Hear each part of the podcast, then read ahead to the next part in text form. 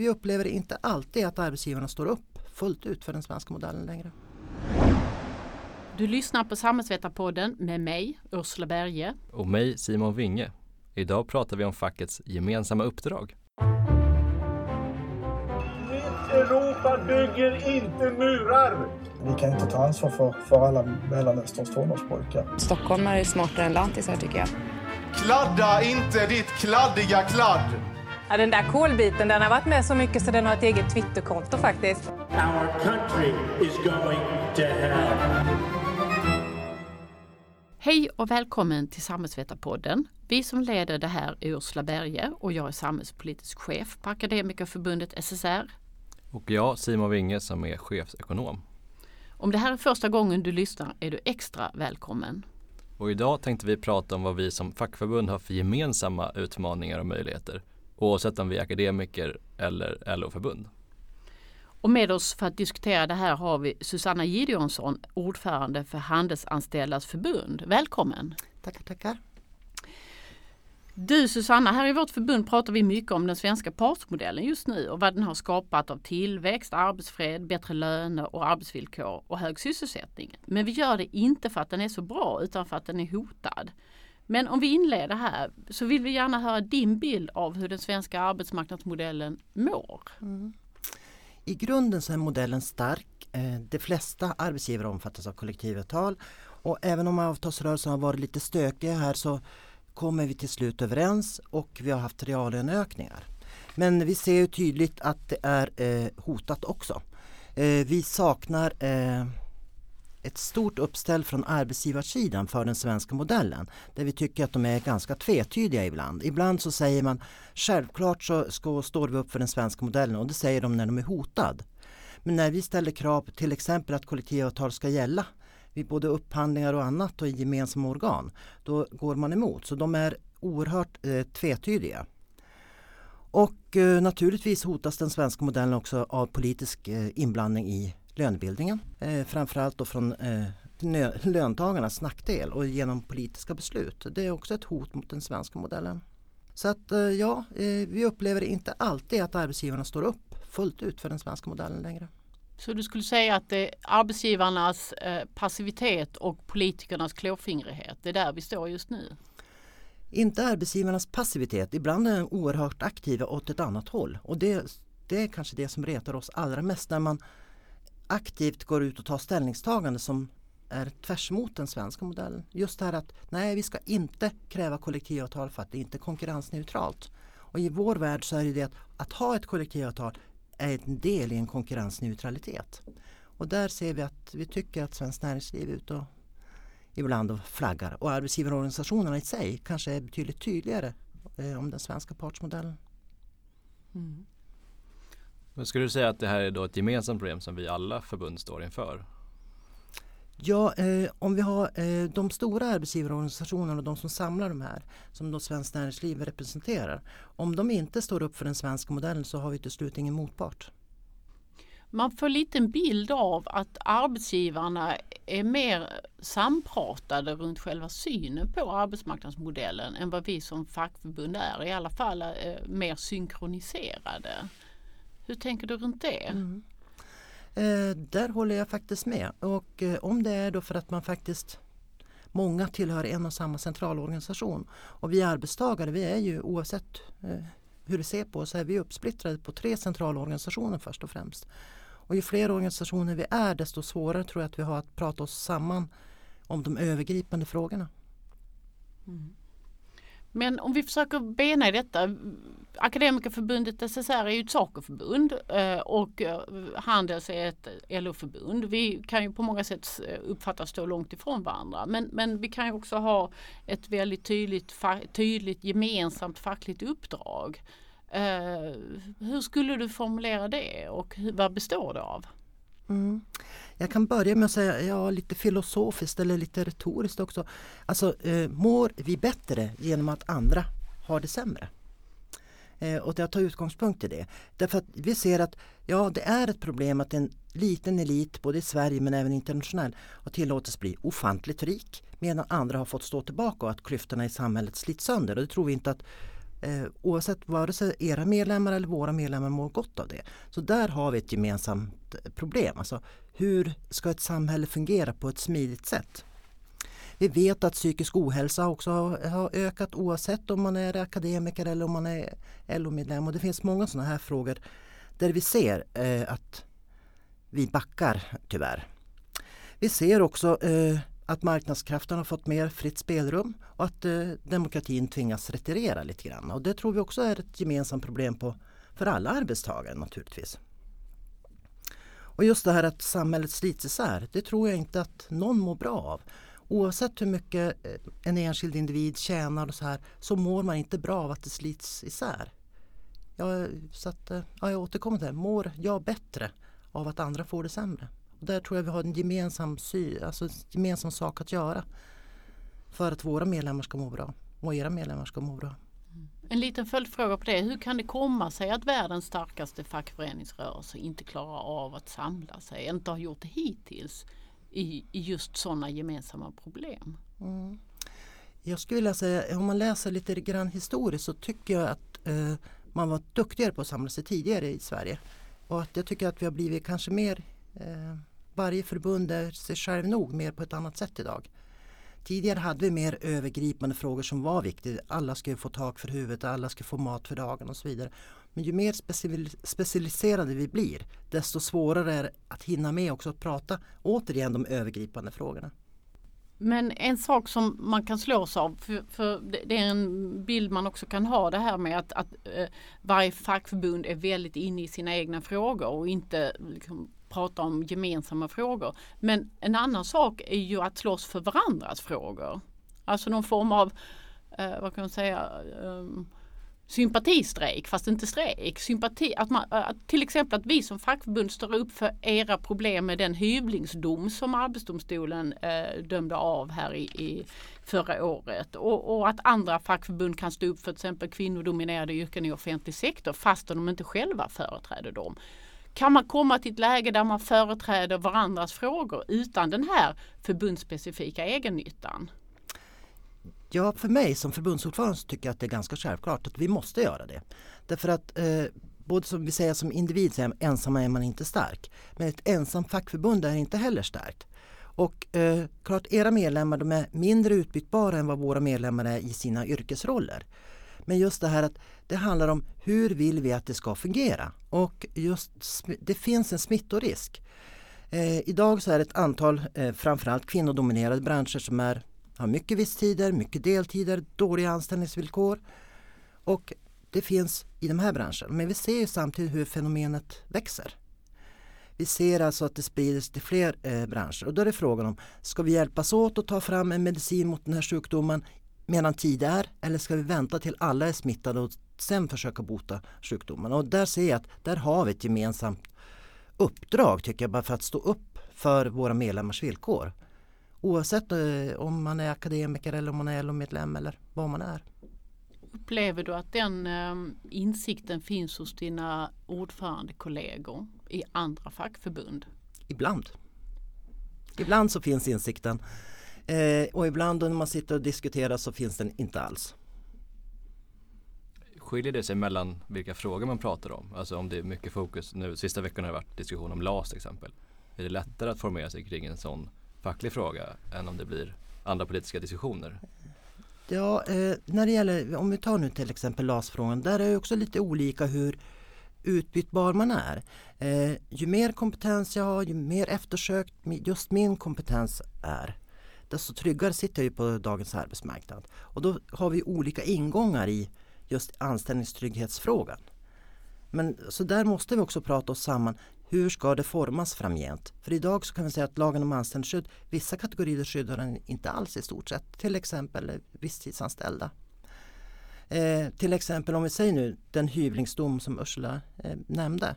Där man som tillsvidareanställd bara genom att arbetsgivaren säger att nu vill jag göra en omorganisation kan få veta att från och med imorgon så halveras din, eh, din arbetstid och därmed din lön. För det är ju vad domen säger. Och det tror jag inte att någon av oss vill ha på svensk arbetsmarknad. Och det kan man göra utan att ta hänsyn till turordningsregler eller någonting? Ingen turordning och ingen uppsägningstid. Så eh, har man dömt och då blir, sätter ju det en ny praxis. Hur man hanterar lagen. Och det skulle kunna appliceras även på högutbildade akademiker då? Ja, eh, det finns ju ingenting. Eh, vi kan säga att det finns ju ett antal yrken där det står inskrivet i kollektivavtal att eh, under det kollektivavtalet så måste man jobba heltid. Men de är inte så många på svensk arbetsmarknad. Så att har du inte det så har du inte ett skydd att de inte kan komma åt din arbetstid. Alltså din anställningsgrad om vi säger så. Och eh, vad vi ser faran i, dels att våra medlemmar drabbas direkt av det. Så att, att helt plötsligt sänka sin lön kanske med hälften. Ja, man klarar sig inte och inte utan uppsägningstid, alltså utan tid att ställa om och utan anledning. Då kan det också vara, ja men är det för att du är rödhårig eller är det för att du faktiskt säger ifrån på arbetsplatsen för att saker och ting inte fungerar eller är det för att du är fackligt aktiv? Ja, var drar vi gränsen? Det blir en godtycklighet som gör att det känns oerhört osäkert. Berätta när den eh, domen kom, hur du upplevde den fackliga solidaritetskänslan. Mm, eh, den här domen, eh, vi ska säga att varför vi drev den till Arbetsdomstolen, det var för att vi har haft förhandlingar tidigare där vi har råkat ut för samma sak. Små arbetsgivare som har gjort en omorganisation för att kunna hålla till exempel butiken öppen som har varit tvungen att laborera och dra ner några timmar på många personer för att man ska ha någon som är, att man inte ska bli ensam vid stängning eller att man ska kunna bemanna vid lunch. Eh, I det här fallet var det en stor arbetsgivare som drog ner många Eh, och man hade alltså en arbetsbrist, det är okej okay, eh, så. Det är ju arbetsgivaren som avgör när man har en arbetsbrist. Men då sättet att lösa den var, det var alltså att vi gör en omorganisation och sänker många människor som kanske har jobbat i 38 år som jobbar heltid så ska de gå ner då på betydligt mindre anställningstid. Och det, det kändes bara så att nej, rent utav kränkande. Och dessutom att göra det från en dag till en annan. Alltså utan uppsägningstid och utan turordning, utan diskussioner om kompetens, ingenting. Och då reaktionen när eh, vi fick domen, då var det många som sa Varför öppnade Pandoras ask? Eh, lagen är ju skriven så här, så här kan vi göra. Men samtidigt som vi som förbund är tvungna att stå upp för våra medlemmar och deras rätt. Och eh, jo, jag upplevde att det fanns eh, faktiskt en viss facklig sammanhållning från, eh, ja, bland annat från SSR. För ni var också intresserade av frågan. Från en del tjänstemannaförbund. Men det var inte så att det var hela LO som ställde upp eller så här. Utan där man mer så här, ja men det här är en fråga som vi inte ska dra i, i och med att det handlar också om den svenska partsmodellen. Vad är det lagen som avgör och vad förhandlar vi oss fram till? Så att nej, jag kan inte uppleva att det var hundraprocentigt uppställt, inte till en början. Men när eh, efter ett tag så inser allt fler att ja men det här kan också drabba våra medlemmar. Det här är ett sätt att hantera svensk arbetsmarknad som vi inte intentionerna kan ha varit. Så nu upplever jag att det är ett betydligt högre eh, tryck i den frågan, betydligt högre krav. Starkare krav. Mm. Ett, ett väldigt tydligt exempel på där fackföreningsrörelsen borde ha ett gemensamt uppdrag det är när man tittar på hur många, hur många arbetstagare som är medlemmar i facket. Och eh, det, den andelen faller ju. Vi ligger nu på 69 procent och det har mm. fallit eh, med ungefär 10 procentenheter på, på 10 år. Eh, även om det har stabiliserats nu ungefär runt 70 mm. eller strax därunder. Eh, men, men, i Tyskland har det till exempel varit fritt fall. De ligger på 18 procent nu även om de började från lägre nivå. Så, så det, det, finns ett omvärldstryck i det här också som man får intryck av att, att eh, eh att vi borde hitta ett sätt att mobilisera för att få upp den fackliga organisationsgraden och att det är ett gemensamt uppdrag eh, vi har. Och hur skulle vi i så fall göra det bäst gemensamt? Där tror jag att vi skulle vinna mycket på att faktiskt gå ihop gemensamt och lite grann eh, visa på vad det innebär den svenska modellen. Alltså att allt, man kan inte ta allt för givet. Att inte ta för givet att jo, men jag har en god lön och bra arbetsvillkor bara för att arbetsgivaren är snäll. Utan att det finns en bakgrund bakom det här och hur vi faktiskt jobbar. Sen är det så tyvärr att jo, vi tappar i organisationsgrad och för oss är det tydligt att ju fler visstidsanställda vi får, ju fler eh, korta deltider då, nej, då väljer man inte att gå med. Då säger man jo men när jag får ett riktigt jobb, när jag blir tillsvidareanställd, då ska jag gå med. Men inte före det. Så där ser vi att organisationsgraden är betydligt mycket högre för de som är tillsvidareanställda på heltid mot vad de är för alla eh, visstidsanställda. Kan du inte för, för lyssnarna bara beskriva lite om hur Handels, vilka, vilka organiserar ni och hur ser era medlemmar ut? Hur många är visstidsanställda och deltid och så vidare så vi får en känsla för det. Ja. Eh, I huvudsak så är det detaljhandel, eh, både privat och kooperativ. Men även lager eh, och på lagersidan är de flesta eh, fortfarande heltidsanställda och tillsvidareanställda. Eh, Eh, och eh, lager är en manligt dominerad bransch medan handeln och butiken är en kvinnligt dominerad bransch. Sen har vi även eh, vissa kooperativa tjänstemän, vi har frisörer, vi har florister, vi har en del hantverksyrken, skomakare och, sådana som också tillhör oss. Men ser vi på handeln som är vårt stora område så där har vi där är tre av tio visstidsanställd. Med andra ord vet inte om man ska jobba där. Kanske om ett halvår eller nästa vecka. Sju av tio är deltidsanställda. Och eh, det här innebär ju att för oss är det hela tiden en stor ruljans på personal också. Därför att eh, har du en kort deltid eller du hela tiden eh, har en visstidsanställning måste hela tiden varje dag jaga fler timmar för att överleva på din lön. Och det innebär att många älskar att jobba i handeln, man tycker om sitt yrke. Men villkoren, man tycker inte om villkoren. Och då innebär det att så fort man får någonting som är bättre villkor, då byter man bransch och då blir vi ju ett genomgångsförbund. Så det innebär också att vi ägnar mycket eh, tid och kraft i förbundet att just att både eh, rekrytera och att lägga kollektivavtal för att det hela tiden rörs. Så, här. så att förra året så eh, rekryterade vi drygt 21 000 nya medlemmar. Nettoökningen blev 75 stycken. Så ni, en stor andel av era medlemmar byts ut hela tiden. Alltså. Ja. Mm. Det, och det är ju till exempel ett problem som, som vårt förbund inte har på alls samma sätt. Så att ni har ju helt andra utmaningar. Mm. Men om vi håller oss kvar vid anslutningsgraden. Eh, det finns ju förmodligen någon punkt när det, som är en tipping point, när det inte går att upprätthålla vår modell längre. Vad tror du, ser du någon sån punkt? Är, är vi nära den, eller hur? Mm.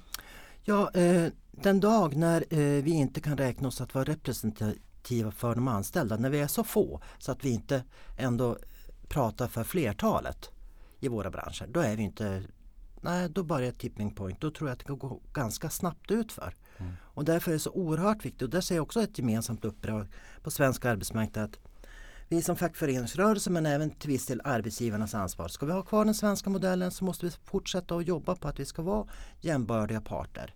Och vi kan inte, vi ska inte gå ända fram till avgrunden och titta ner och bara oj. Utan innan dess måste vi vidta åtgärder och där har vi ett gemensamt ansvar. För att om vi säger så här, de som lämnar oss, de kanske går vidare och blir medlem hos er. Mm. Som medlem. Och det är viktigt att vi har traditionen med medlem, eh, ett medlemskap i facket. För det är det vi bygger modellen på i Sverige. Har vi inte det så då frågan vad ska vi ha istället? Men då kanske en tanke vi skulle bära med oss är att den bästa nästa medlemmen i ett fackförbund kanske för vår del inte är hos oss utan hos er. Ja, eller både och helst. En hos er och en hos oss. det blir dubbelt så många. Men om man, du började också med att prata om arbetsgivarens ansvar. För de, det är ju två parter i den här modellen. Hur ser du på det? Tar de sitt ansvar eller så? Eh, där kan jag absolut inte dra eh, alla över en kam. Många stora arbetsgivare, alltså, där vi, då pratar jag om som har många anställda, kanske många butiker och så här. De är ganska duktiga på att ta sitt ansvar. Mm. Medan många små eh, som kanske driver en eller två butiker, det är familjeföretag. Och där har man, är man fullt fokuserad på att överhuvudtaget få det att gå runt. Där tar man nog inte sitt ansvar. Mm. Och man har inte heller den tiden att sätta sig in i frågeställningen och man har inte så här så det ser oerhört olika ut. Jag kan inte säga att det är svart eller vitt men där jag tycker då att Svenskt näringsliv ska vara tydlig. Svenska modellen innebär att vi ska ha kollektivavtal och stå upp för det. Mm. Du var inne på det lite tidigare det här med eh, vilka branscher där det är lite lägre anslutningsgrad eller vilka egenskaper man har. Att det är genomgångsyrken, det är eh, visstidsanställningar. Men en del av de här man kan skära det på lite andra ledder också. Det är lite våra framtidsfickor som jag kan uttrycka det som. Att det är, det är unga i mindre anslutnings, har lägre anslutningsgrad. Utlandsfödda har lägre anslutningsgrad. Sådana här nya branscher har lägre anslutningsgrad. IT eller PR eller vad vi nu kan tänka oss. Hur tänker du runt det? Har vi en gemensam eh, analys av eh, framtiden och problemen runt det inom fackföreningsrörelsen? För detta drabbar ju alla i någon mening. Mm. Jag upplever inte att kanske att vi har en gemensam analys idag för att hade vi haft en gemensam analys skulle vi också haft gemensam åtgärdsplan och det har vi inte. Men jag tror att eh, de flesta förbund ser på den problematiken. Och eh, ser jag bara till mitt förbund så vet jag att ja, eh, hos oss är det över 30 procent av våra medlemmar som är under 30 år. Så att vi betyder ju mycket som om vi säger inskolningsförbund i arbetsmarknaden. Och där måste vi ta vårt ansvar. Medan samtidigt jag säger att vi måste också hjälpas åt så att vi inte lämnar vita fläckar på svensk arbetsmarknad så att vi får en vana att nej, det är självklart i Sverige så jobbar jag och där behöver inte jag facket. För då hamnar vi också snett. Då kommer vi att få en annan modell. Och eh, då är vi inte med och påverkar den. Men om vi i bästa fall har en gemensam analys, alltså hur kommer vi till åtgärdsplanen? Mm. Eh, där skulle jag gärna vilja se eh, ibland eh, så träffas vi faktiskt förbundsordförande både LO, TCO och SACO. Eh, att vi har eh, det som tema och verkligen borrar ner oss i den frågan och säger hur vill vi jobba? Och att vi inte då eh, i första hand funderar på ja men vad är bäst för mitt förbund? Hur ska jag i mitt förbund, hur ska vi växa och bli större än andra förbund? Att vi slipper den, skippar den förbundsegoismen. Utan att vi faktiskt funderar på ja men vad är bäst för svensk arbetsmarknad och våra medlemmar gemensamt? Hur blir vi starkast gemensamt? Och sen ta oss an den frågan. Ni är förmodligen det förbund som rekryterar ja, bland de flesta eh, störst andel i relation till er storlek. Eh, så då undrar vi, vad kan vi göra gemensamt? Vad är rekryterande? Och till exempel den här schyssta villkor-appen som Hotell och restaurang har. Det är en sån idé vi tycker är lite kul. Finns det sådana grejer vi kan göra gemensamt? Ja, jag tycker att det vore naturligt att vi skulle göra det. Tänk om vi kunde märka upp, upp alla Sveriges arbetsplatser med att ja, här är det schyssta villkor för de anställda. Eh, Hotell och restaurang har den appen. Eh, vi har en annan app som heter annat. Eh, och det är faktiskt så att hotell och restaurang är de som rekryterar flest eh, också i förhållande till sin medlem, förbundsstorlek. Alltså omsättningen är snabbast där. Men visst, sådana saker skulle vi kunna göra. Vi skulle kunna göra gemensamma kampanjer som riktar sig mot alla gymnasieungdomar, alla universitetsstuderande om vikten eh, av att faktiskt vara med i facket och det här att vi ska vara jämbördiga parter. Det finns massor med saker vi skulle kunna göra gemensamt. Mm. Men för att återkomma till det här med, med, kollektivavtalen. Hur kan det vara så? Kollektivavtalen är en så bärande del i den svenska partsmodellen. Hur kan det vara så att vi inte är i ett läge där man lätt med en knapptryckning i sin dator kan få reda på om ett företag har kollektivavtal eller inte. Som kund eller som eh, eh, blivande anställd eller något annat. Mm. Varför finns inte detta? Ja, jag kan inte svara på det, för hos oss går det ju. Eh, vi, kan, vi har ju en sån app där kunder i butik kan alltså trycka okej, okay, butiker i närheten som har kollektivavtal och så här, det kan du ganska lätt se. Hotell och restaurang har sin, eh, men min önskan skulle vara att alla hade samma ingång. Att vi kunde ena oss om att ja, men nu har vi den här ingången för att få det allmänt känt så att också den breda allmänheten också använder den. Eh, så att men tekniken möjliggör ju det fullt ut. Så det handlar ju bara mer om att vilja göra det. Men en sån sak finns Kommunal har det, ni har det, hotell och restaurang har det. Det känns ju inte som ett omöjligt uppdrag att synliggöra de här kollektivavtalen. De är inte oändligt många heller. Är, hur, hur, svårt kan det vara? Nej.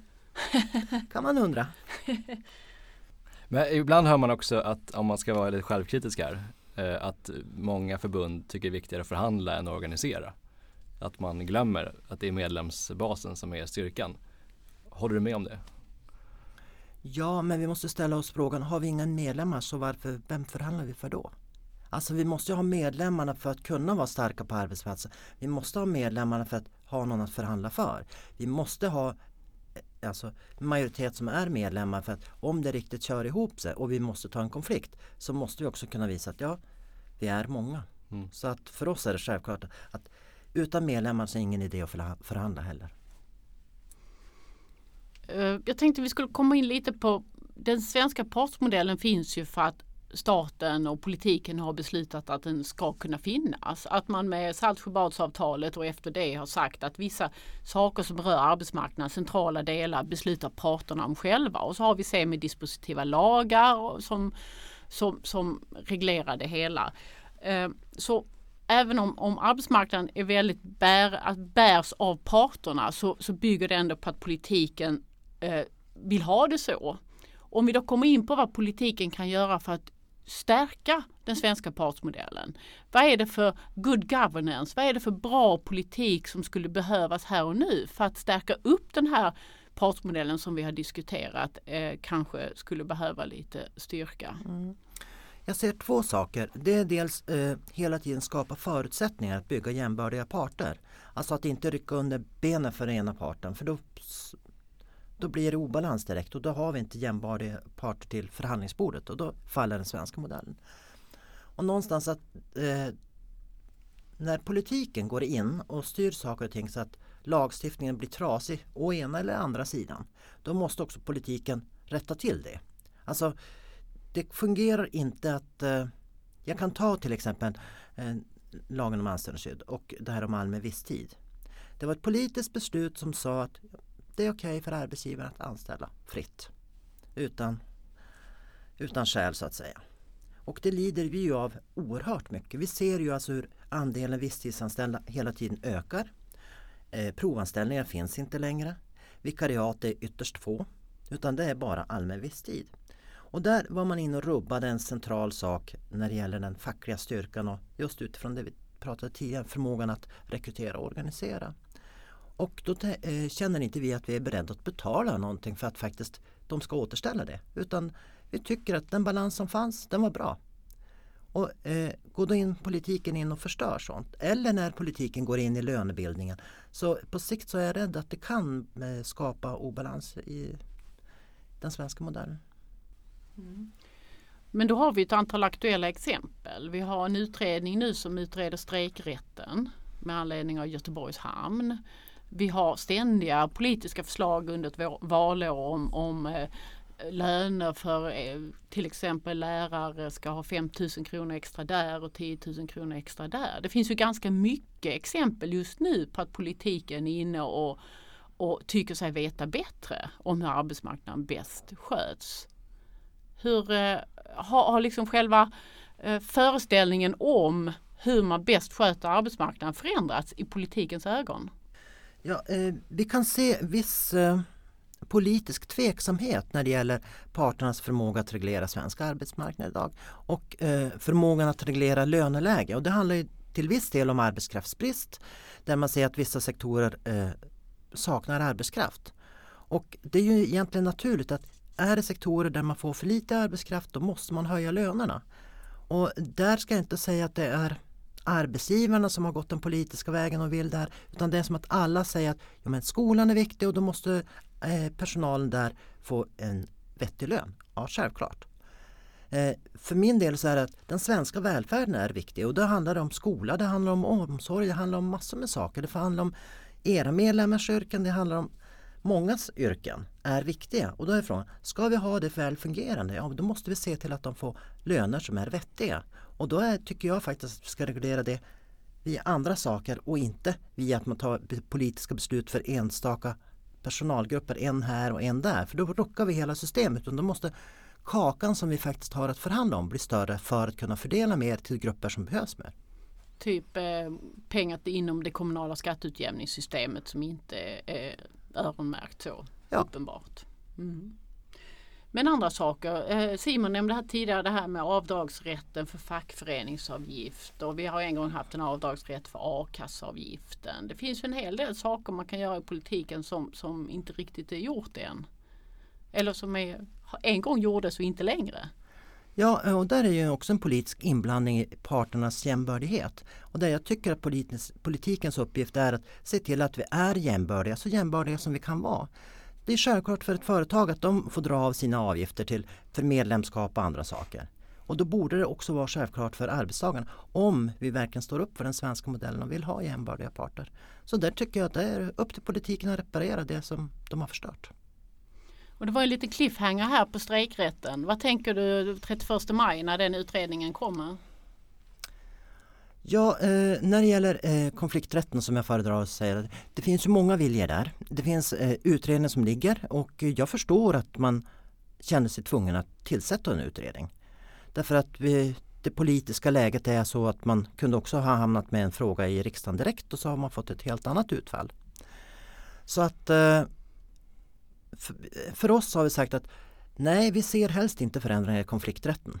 Men är det så att det finns olösliga problem så måste vi bidra till att saker och ting fungerar. Så jag kan säga varken ja eller nej. Jag tänkte byta ämne lite. Eh, för att ingen kan ju prata arbetsmarknad idag utan att prata om digitalisering och, och hela det komplexet av begrepp. Eh, för det hörs ju om att eh, varannat jobb kommer försvinna och sådär å ena sidan. Och alla kommer ha en Uber-app. Å andra sidan har vi pratat om appar här som kan hjälpa oss att organisera oss. Hur skulle du, och, och menar, er bransch är väldigt utsatt för förändringstryck. Det räcker att gå in i en butik och så plötsligt så är personalen ersatt av en sån skärm ibland. Eh, hur skulle du se på den totala effekten för oss som fack av den här utvecklingen? Är det positivt eller negativt? Eller blir det svårare eller lättare för oss? Mm.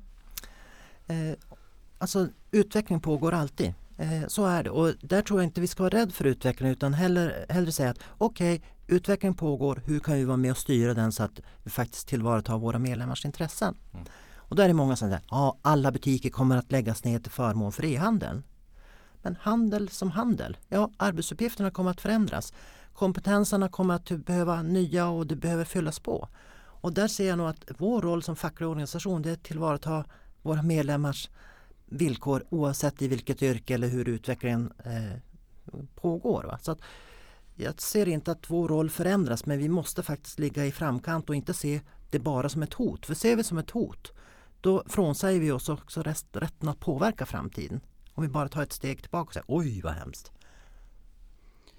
Jag tänkte att vi skulle avrunda med att prata lite önskedrömmar och vart vi ska och var vi är om några år kanske. Och då eh, hur skulle vi, vi har pratat om det här med att vi kanske har en gemensam analys men vi har inte åtgärdsplanen för hur vi ska komma dit. Om du får tänka fritt och, och önska fritt runt hur fackföreningsrörelsen klarar av att eh, eh, göra ett omtag och komma upp till säg 80% eller 90% i organisationsgrad i alla branscher, till och med i privata småföretag och så vidare. Hur ska vi komma dit och vad ska vi göra? Vad behövs? Mm. Eh, vi behöver ena oss om hur vi vill att svensk arbetsmarknad ska fungera. Funktionssättet på svensk arbetsmarknad. Står vi upp för den svenska modellen fullt ut, alla förbund? Gör arbetsgivarna det? Det är en grundplatta Eh, och när vi sen har lagt den grundplattan ifrån, hur får vi då den här grund, alltså modellen att fungera på bästa sätt? Är vi för många förbund idag? Är vi för uppdelade? För att vi har ju också där att vi är Ibland kan vi vara många fackliga organisationer på en och samma arbetsplats. Är det bra eller dåligt? Gör det att vi blir starka eller blir vi svaga? Och hur försvarar vi alltså vår fackliga styrka i ett sådant läge och utifrån det också den svenska modellen. Så jag ser att vi har en hel del som vi skulle kunna göra eh, gemensamt. Och där behöver vi börja faktiskt redan på högstadiet. Och eh, jag ser, vi som förbund vi genomför ja, i runda slängar mellan 600 och 700 skolinformationer varje år. Då riktat framförallt till gymnasieklassen men jag tror just det här att vi behöver också se till att eh, framtidens arbetskraft också förstår vad innebär den svenska modellen och varför är det så viktigt att vi är jämbördiga parter och allt det där. Och där kan vi börja med att faktiskt göra ett gemensamt jobb. För att när de går i högstadiet så vet vi inte om de blir medlem hos mig, eller om de i mitt förbund eller om de blir medlem i SSR. Det finns massa sådana grundläggande saker vi skulle kunna göra. Vi är lite introverta eller? Som fackföreningsrörelse? Ja, eh, jag vet inte om vi ska säga. Jag kan tycka att ibland så tar förbundsegoismen över. Att det viktiga är att det är vi som växer, det är viktigt att vi får. Eh, till förmån för att faktiskt se på det i det långa loppet. Vem tjänar till det här? Alltså, förbunden skulle inte finnas om inte fanns medlemmar som upplevde att vi levererade för dem. Och då är frågan, det där, den behöver vi nog fundera på. Hur företräder vi våra medlemmar på bästa sätt? Och hur företräder vi svensk arbetskraft på bästa sätt? Därför att som sagt var, en som är medlem hos mig idag kan vara medlem hos er nästa. Och hur ser vi att kedjan faktiskt håller ihop? Mm. Och, och, det här med att informera i skolan och att överhuvudtaget göra, göra fördelarna med, med den svenska partsmodellen mer kända. Det är, det är en viktig sak. Men om lite mer i detalj, hur ska vi internt inom fackföreningsrörelsen göra. Du nämnde det kanske inte ska vara så många fackförbund. Det är ju otroligt känsliga frågor, sammanslagningar och, och så vidare. Men, men om du bara tänker, vi har en a-kassa vi är huvudmän för och det, det finns mycket. Det finns mycket. Mm. Eh, och då kan jag börja i den sista delen. När det gäller a-kassan, ja, varför har vi den knutna till fackliga organisationer? Det är nummer ett, ja men det är ett av våra grundvärn. Att vi vill att människor som hamnar i arbetslöshet inte ska behöva ta vilka skitjobb som helst till urusla villkor. Ja, eh, då borde det vara vår allmänna uppgift att se till att också att a-kassan fungerar så väl som möjligt för alla som har råkat bli arbetslösa. Och jag ser inget, inte jätteviktigt att den ska vara knuten till ett visst förbund. Men jag tycker det är viktigt att den är knuten till fackförbundet eftersom det är vår arbetsuppgift att se till att våra medlemmar faktiskt inte far illa. Och, eh, det finns många av de här frågorna där jag upplever att ibland så konkurrerar vi som fackförbund istället för att faktiskt se lite längre. Vad innebär det här på lång sikt? Jag tror inte att något fackförbund idag som vill ha en allmän eh, a-kassa som inte är knutet till fackförbunden. Ja, nej men eh, tack Susanna. Tack för att jag fick medverka. Det här var allt från Samhällsvetarpodden den här veckan. Du hör oss igen om två veckor. Samhällsvetarpodden görs varannan vecka och fångar upp stora samhällspolitiska frågor. Prenumerera gärna på oss på de ställen där du brukar hitta dina podcasts och glöm inte att betygsätta och kommentera. Samhällsvetarpodden görs av Akademikerförbundet SSR, Sveriges ledande samhällsvetarförbund.